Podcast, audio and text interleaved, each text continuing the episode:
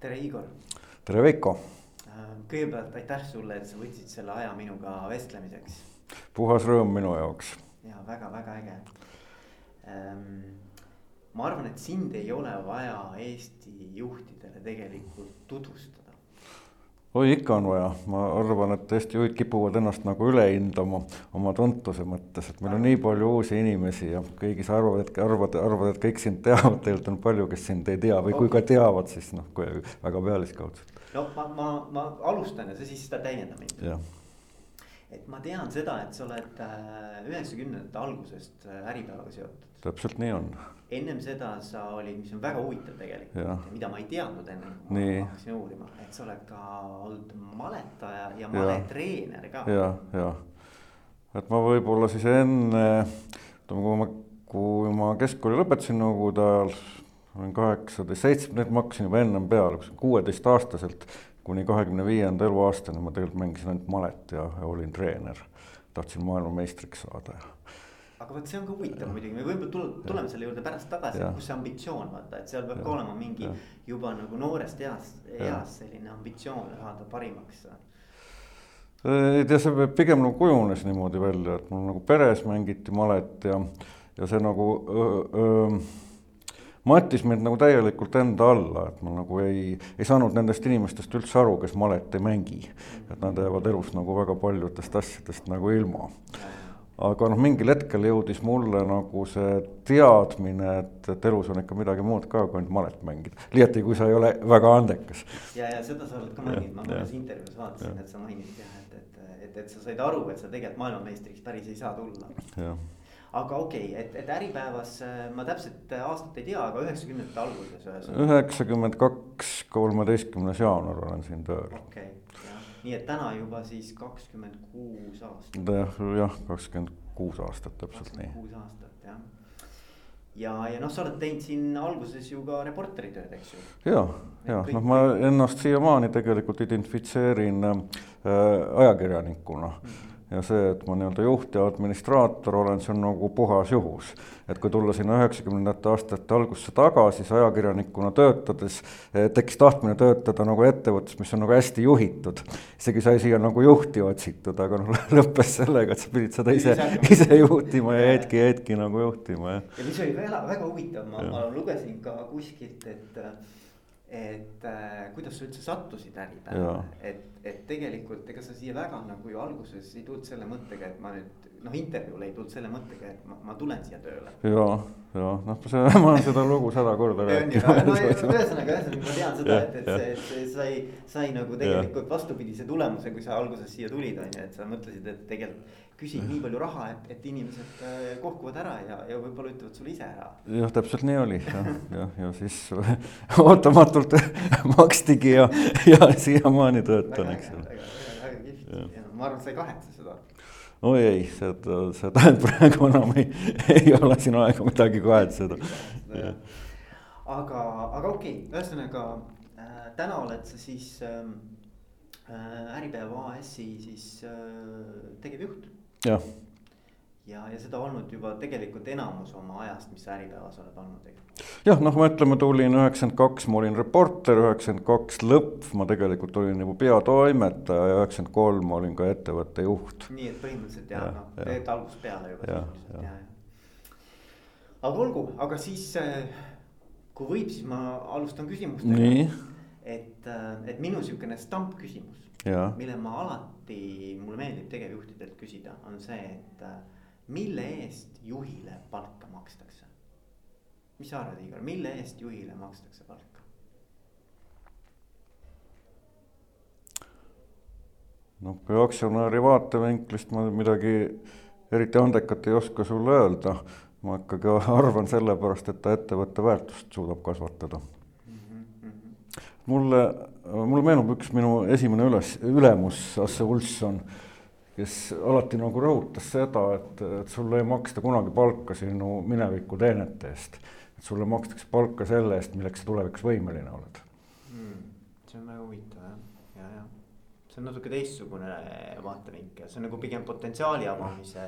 pigem jah, sa pead nagu vaatama kogu aeg selles mõttes tulevikku, kui sa nagu väärtust lood, sa võid oma selle mineviku saavutused nagu ette lugeda, aga nad ei pruugi mitte midagi maksta. ja, ja, ja, ja, ja, ja, ja.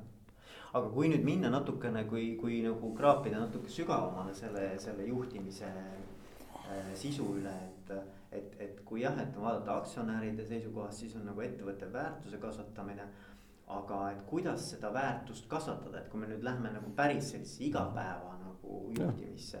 et mis sinu jaoks kõige olulisem on, et äh, kuidas sina tunned, et ma olen olnud edukas? mis sinu jaoks on nagu edu parameeter enda jaoks? ei noh, ikkagi, ikkagi inimesed. Et, et kogu noh, see meie tüüpi ettevõtted, see võib olla, võib äriplaan, võib olla siin meie uued ruumid, kus me praegu oleme või arvutid, mis nende laudade peal on, tuleb nende aru anda, et see on teisejärguline et see, kus see nagu väärtus ikkagi toimib, on nagu inimesed. et sa suudad enda ümber ikkagi luua eh, inimesi, kellel on samad väärtused, kes on andekad, kes siin nagu püsivad ja kes suudavad nagu koos töötada, see koos töötamine on võib-olla selline nagu, nagu kõige kriitilisem koht.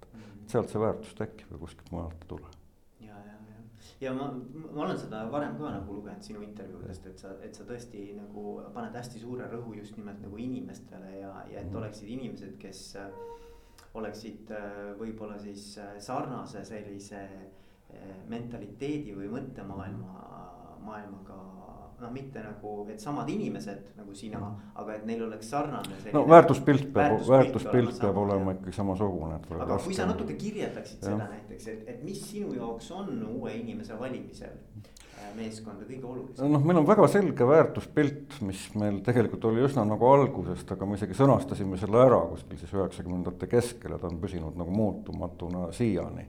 Et seal on nagu neli väärtust, mis on nagu, nagu meile olulised, mille järgi me nagu inimesi valime või, või mida me ka ühiselt tiimiga nagu tunnetame.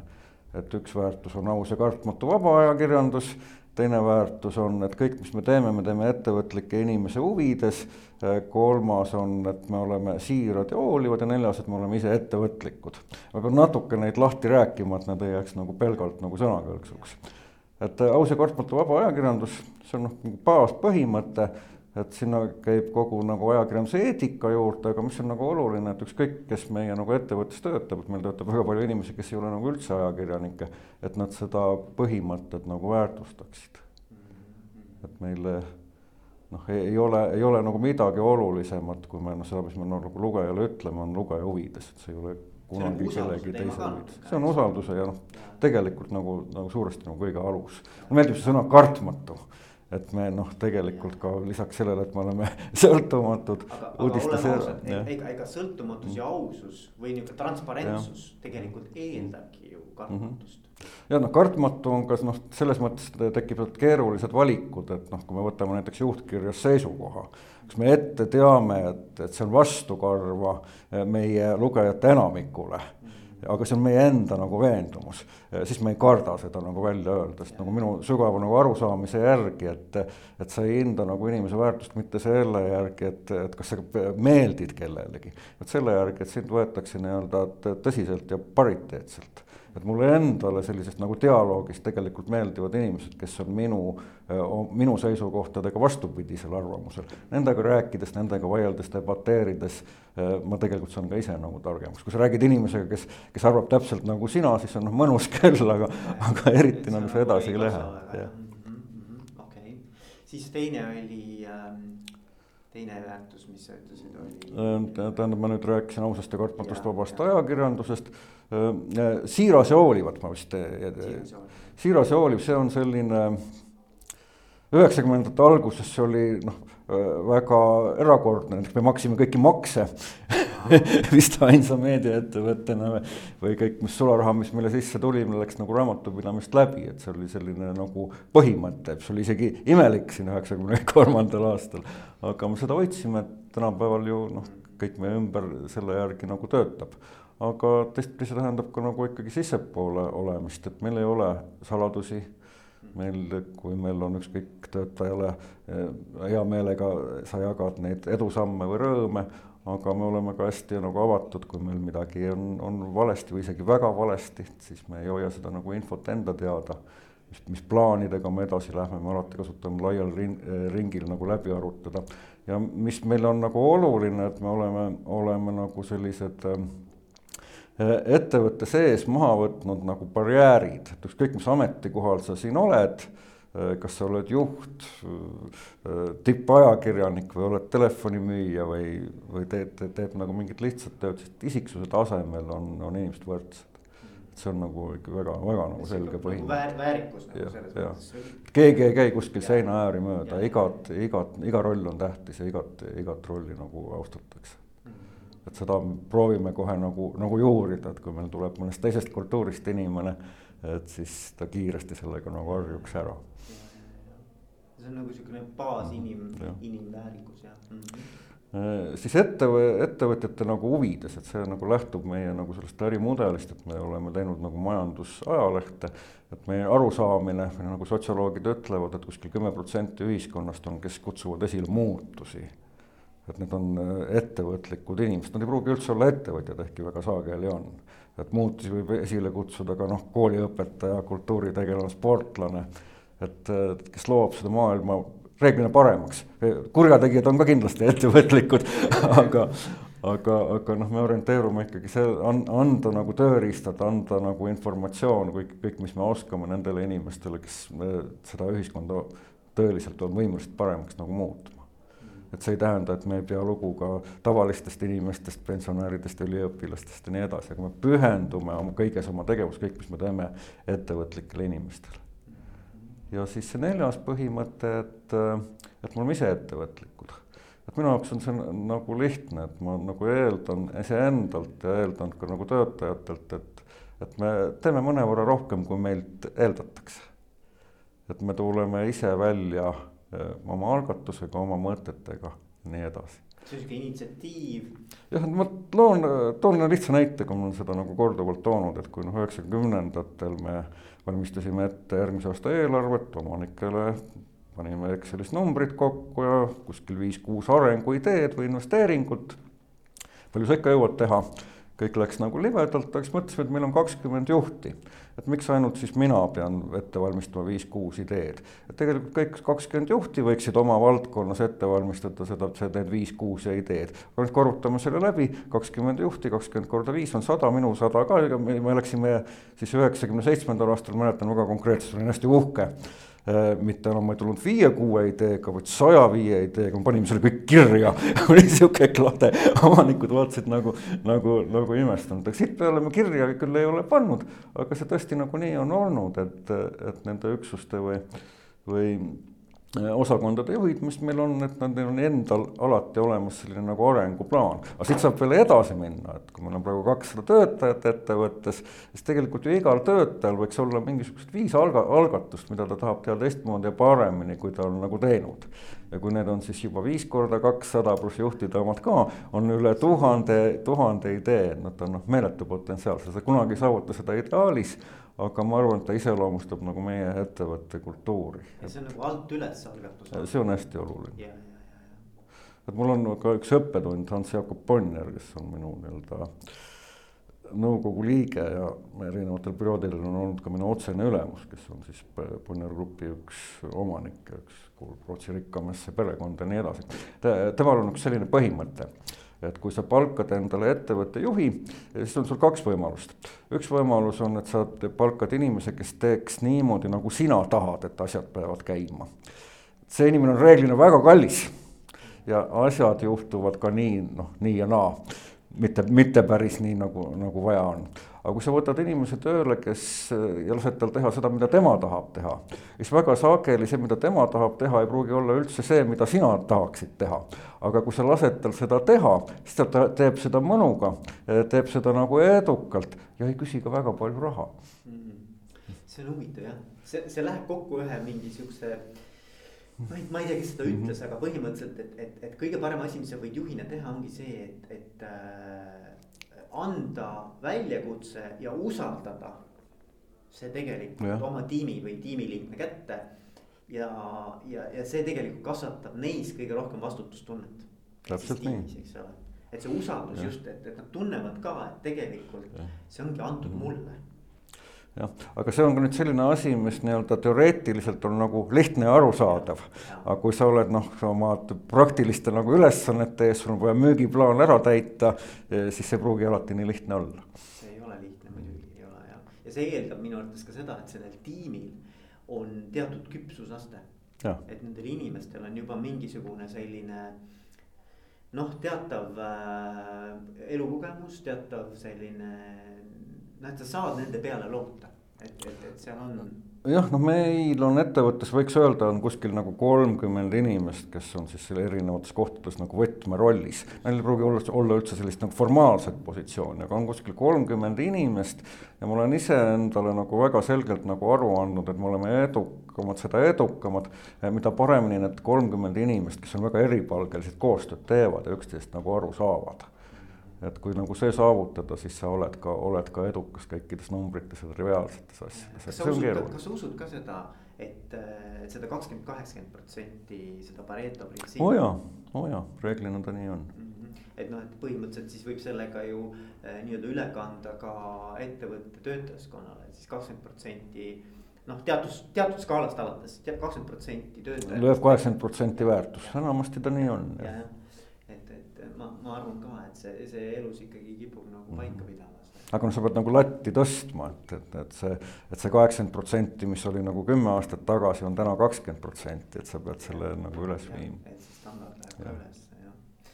aga, aga räägi, Igor, kui, kui nagu küsida nüüd täna näiteks, et mille järgi sinu tiimiliikmed äh, sind iseloomustavad? Mis nad sinu kohta ütlevad, ma tean, seda peaks nende käest küsima. seda peaks nende käest küsima. aga, aga kui sina peaksid vastama sellele, mis sa, mis sa nagu arvad, et kuidas mm -hmm. sind iseloomustab? Äh,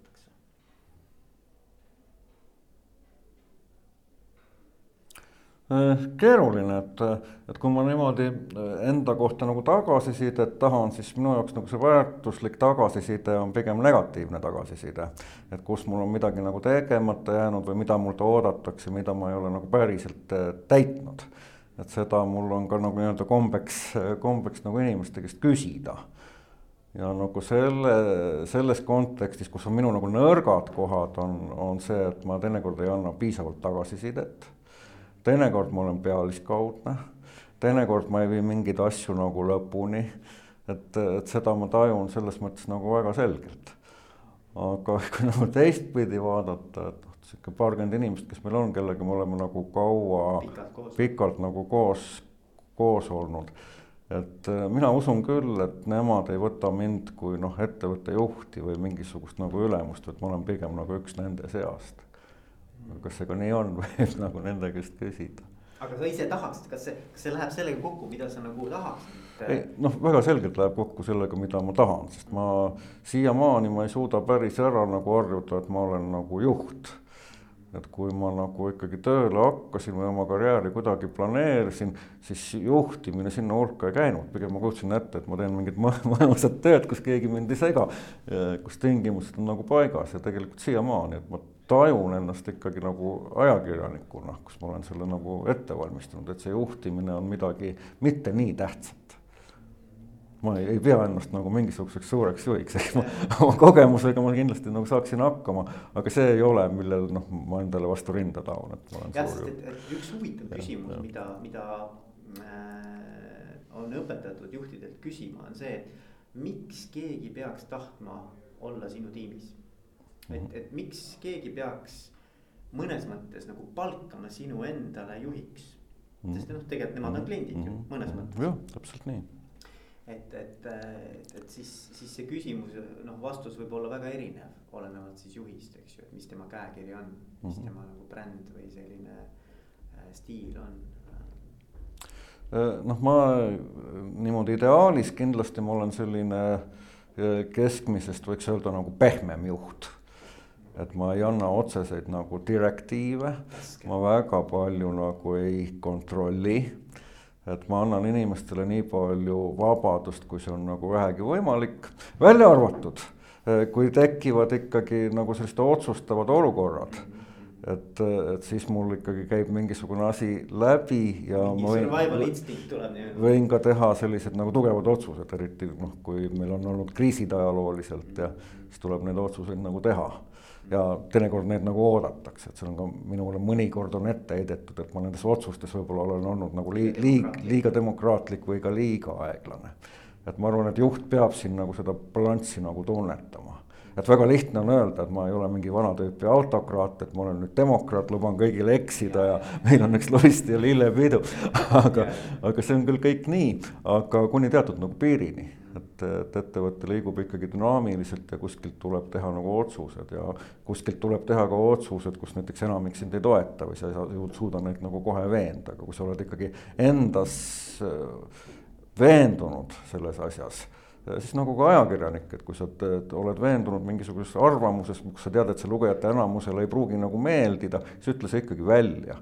ja kui sa nagu ettevõtte seisukohalt arvad, arvad, et just nimelt nii tuleb talitada, ehkki võib-olla sinu lähemad kolleegid arvavad teistmoodi, siis sa pead ikkagi leidma võimaluse, et, et oma see põhimõte realiseerida, kui sa selle nagu alla neelad ja ja tahad, elad nii, nagu kolleegid tahavad edasi ja hoiad seda nagu endas, siis see ei ole see, et sa pead ikkagi noh, oma Äh, oma põhimõtet suutma realiseerida.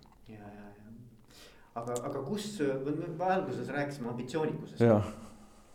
et, et kui vaadata Äripäeva, eks ju, äh, ma ei tea, kakskümmend viis aastat tagasi mm. -hmm ja täna, et siis tegelikult see on ikkagi ju see ampluaa, tooted, äh, kanalid, kõik on ju tegelikult kasvanud, eks ole jah, ütleme seda ma selgitan, kui minu käest nagu küsitakse, et miks ma nii kaua olen suutnud ühes nagu ettevõttes töötada, on see, et noh, me oleme pidevas muutumises see, mis me olime üheksakümnendate alguses, oli hoopis midagi muud kui üheksakümnendate keskel.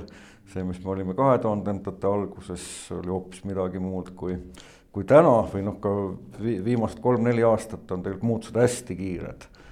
Et, et noh, meedia, mis nagu olemuslikult oli oli väga traditsiooniline. õnneks ma selles traditsioonilises perioodis kuigi kaua ei saanud nagu olla, et tegelikult alates aastast nagu kaks tuhat on meedia hästi nagu dünaamiline, hästi keeruline, keeruline valdkond, kus on erakordselt põnev töötada.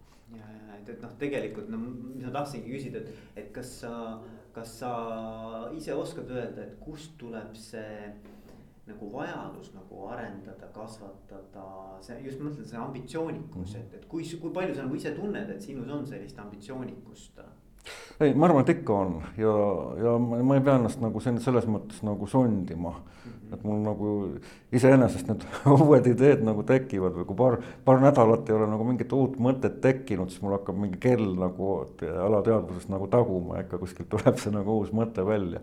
et noh, kui paigalseis nagu meie tüüpi nagu organisatsioonis on automaatselt nagu tagasiminek, aga ma arvan, et see on mul alateadlikult kuskil programmeeritud. see on nagu sportlane, kes, kui ei saa nagu paar päeva ja. midagi teha, siis on tundnud nagu, et midagi on puudu kohe nagu. Ja ma ei oska nagu puhata, et kui mul kaks nädalat nagu puhkan ja tööl ei ole, siis mul selgelt, selgelt enesetunne ei ole enam nii hea.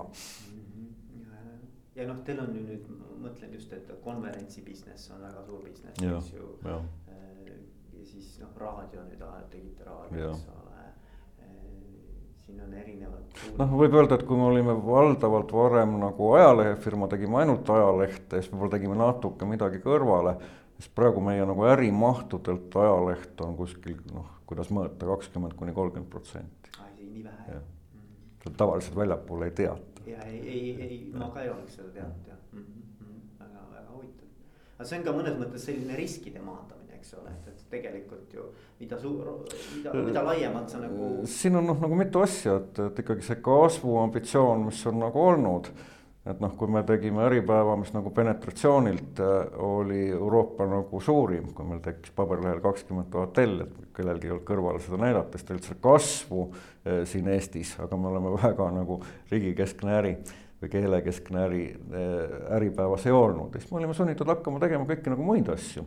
Aga noh, teine pool on siis see meedia üldine transformeerumine, et kui nüüd meedia digitaliseerus, ärimudelid tegelikult nagu muutusid ja siis tekkis üks virvarr, kus me praegu tegeleme kümnete erinevate asjadega. ja, ja noh, meil on säilinud, meil on säilinud see aus ja kartmatu vaba ajakirjandus ja Äripäev on meil ikkagi nagu katusbränd, mis kõike nagu lähtub. aga kui vaadata nagu tegevusi, siis tõesti kaheksakümmend protsenti meie tegevustest on juba kõik kuskil hoopis mujal ja kirjastus, mis on väga suur osa ka. kirjastus jah, me oma sellest ärinimest nüüd kümmekond aastat tagasi tegelikult kirjastuse kaotasime ära, me olime Äripäeva kirjastus, me oleme praegu aktsiaselts nagu Äripäev. ja me nüüd ausalt öelda natukene seda kirjastuse sõna ise nagu pelgame, sest minu äh, arusaamist mööda kõik, mis on paberil on varem või hiljem ajaloo prügikastis ja sõna kirjastamine haakub nagu paberiga et me pigem otsime siin nagu teisi sõnu ja, ja tuleme, tuleme nii-öelda välja digitaalsete toodetega erinevates, erinevates siis formaatides. aga see on niisugune keeruline küsimus. et, et teiselt poolt jällegi paljud väidavad, et ega raamat ei kao kuhugi, eks ole. no raamat ei kao selgelt kuhugi, ega ta ei kaogi kuhugi aga raamatuga on üldse ka probleem väiksem, sest noh, kui ta läheb digitaalseks, siis ta jääb ikkagi ra raamatuks nagu edasi. probleem on noh, ajalehega, et, et väga selge, et, et ajalehe mõju, mis ta on praegu ja mis ta oli kümme aastat tagasi, mis ta oli kakskümmend aastat tagasi, on teistsugune. ja see, mida sa digitaalse väljundiga nagu ajalehes toimid, selle ärimudel on teistsugune, seda võetakse nagu teistpidiselt vastu, eriti keeruline ajakirjadega ajakirjades ei olegi, noh, me teeme ka ajakirju, seal ei olegi sellist väga head digitaalset mudelit praegu suudetud nagu leida. ja noh, see probleem on siin ka see, et, et, et noh, kui, kui öelda, mis trükiajakirjandusega toimub, jah, ta on minu sügava veendumuse järgi olnud ajaloo prügikastis. ainult see suremine on pikk ja piinarikas me peame sellega nagu hakkama saama et on, et, et see muudab selle noh, meedias töötamise üldse praegu nagu välja, väljakutsuvaks, aga mina defineerin seda enda jaoks ka väga põnevaks. noh, see transformatsioon on ju suur, mina ise olen näinud näiteks mitmes erinevas ettevõttes neid transformatsioone, mis on toimunud näiteks Eesti Telefonist Elionis mm, minek, eks ole, noh. Ja Elioni sees veel kuidas tegelikult kõne, selline fikskõne ärimaht mm -hmm. vähenes nagu drastiliselt ja kuidas kogu läks nagu lairiba äri peale. et noh, tegelikult need muutused, mis tehnoloogiaga kaasnevad, need on kohutavalt suured tegelikult. ja kiired. ja kiired just ja, ja. ja kui sa oled noh, eriti sellises meie tüüpi ettevõttes, siis inimesed on loomult konservatiivsed mm. -hmm. sa ikkagi noh ettekujutus nagu ajakirjandusest ja ajalehest on ikka noh, väga ühesugune ja staatiline. ja kui nüüd tulevad muutused siin aastatega ja kuudega, sa pead nagu kaasas käima, et see on, on kahtlemata väljakutse mm. -hmm. aga okei okay,, ma tõmban tagasi natukene juhtimise peale. et Igor, kui sa saaksid anda nõuandeid inimesele, kes võtab esimest korda juhi rolli mm. -hmm. mis oleks sinu nõuanne?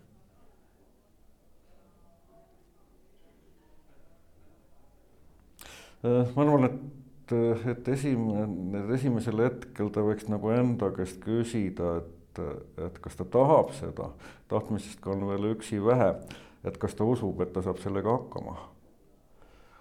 ja teine asi, et, et juhtimine ikkagi tähendab inimesi. kui sa arvad, et juhtimine on Exceli tabel kuhu sa paned numbrid ritta ja palgakulu ritta, arvutad välja, et, et, et, et tulud ületaksid kulud ja hakkad siis seda nagu realiseerima, see ei ole juhtimine, see on väga nagu lihtne asi. siis on raamatupidamine, jah. et sa pead arvestama, et sa hakkad töötama inimestega, mida andekamad nad on, seda keerulisem nendega on ja, ja sul on tegelikult nagu lõput, lõputu ahel inimestega nagu suhtlemises, et, et see on nagu minu ettekujutус, võib-olla nagu ma töötan ka ettevõttes, kus see on nagu omab nagu tähtsust. aga mulle tundub, et see on ka nagu igal pool nii.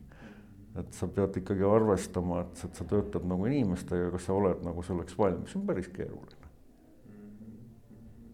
kas sinu enda arusaamine juhtimisest on nende aastatega muutunud ka?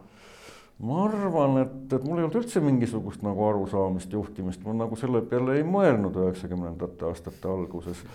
aga siis me mõtlesime selle peale, meil nagu jõudis see äratundmine, et me peame selle peale mõtlema, et mis on meie ettevõtte mõte, mis on meie nagu tegevuse mõte eh, juhttiimiga. väga selgelt mäletan, üheksakümmend kuus, üheksakümmend seitse, üheksakümmend kaheksa me tegime hästi palju koolitusi, lugesime raamatuid, eh, käisime koos, läksime juhtide ringiga nagu välja, panime nagu asju paika ja siis loksus midagi nagu paika, et need põhimõtted, mis sellest hetkest on nagu paika loksunud, et see baas on mul enam-vähem samasugune. ma olen kuskilt lugenud, et see Jim Collinsi raamat. jaa, Loodud kestma. loodud kestma, et see oli ka suureks inspiratsiooniks. jaa, noh, me lugesime läbi hästi palju sellist äh, klassikalist äh, kirjandust, kuidas luua ettevõtte nagu strateegiat see Collinsi raamat tundus nagu kõige inspireerivam või arusaadavam või meile ka nagu sobivam. Et, et noh, sa pead nagu töötama ikkagi erilises ettevõttes. et kui sa noh, kulutad oma elu selle peale, et sa töötad ühes tavalises keskmises ettevõttes, siis see tundub nagu mage. et sa pead taotlema seda, et, et olla milleski nagu teistmoodi, milleski nagu eriline, et saada ikkagi elus hakkama mingite eriliste asjadega. et sul võib see ka mitte õnnestuda, kui sa seda ei püüa, siis, siis sul kohe kindlasti ei õnnestu. kuule, aga ma tänan sind, Igor, aitäh sulle. teaks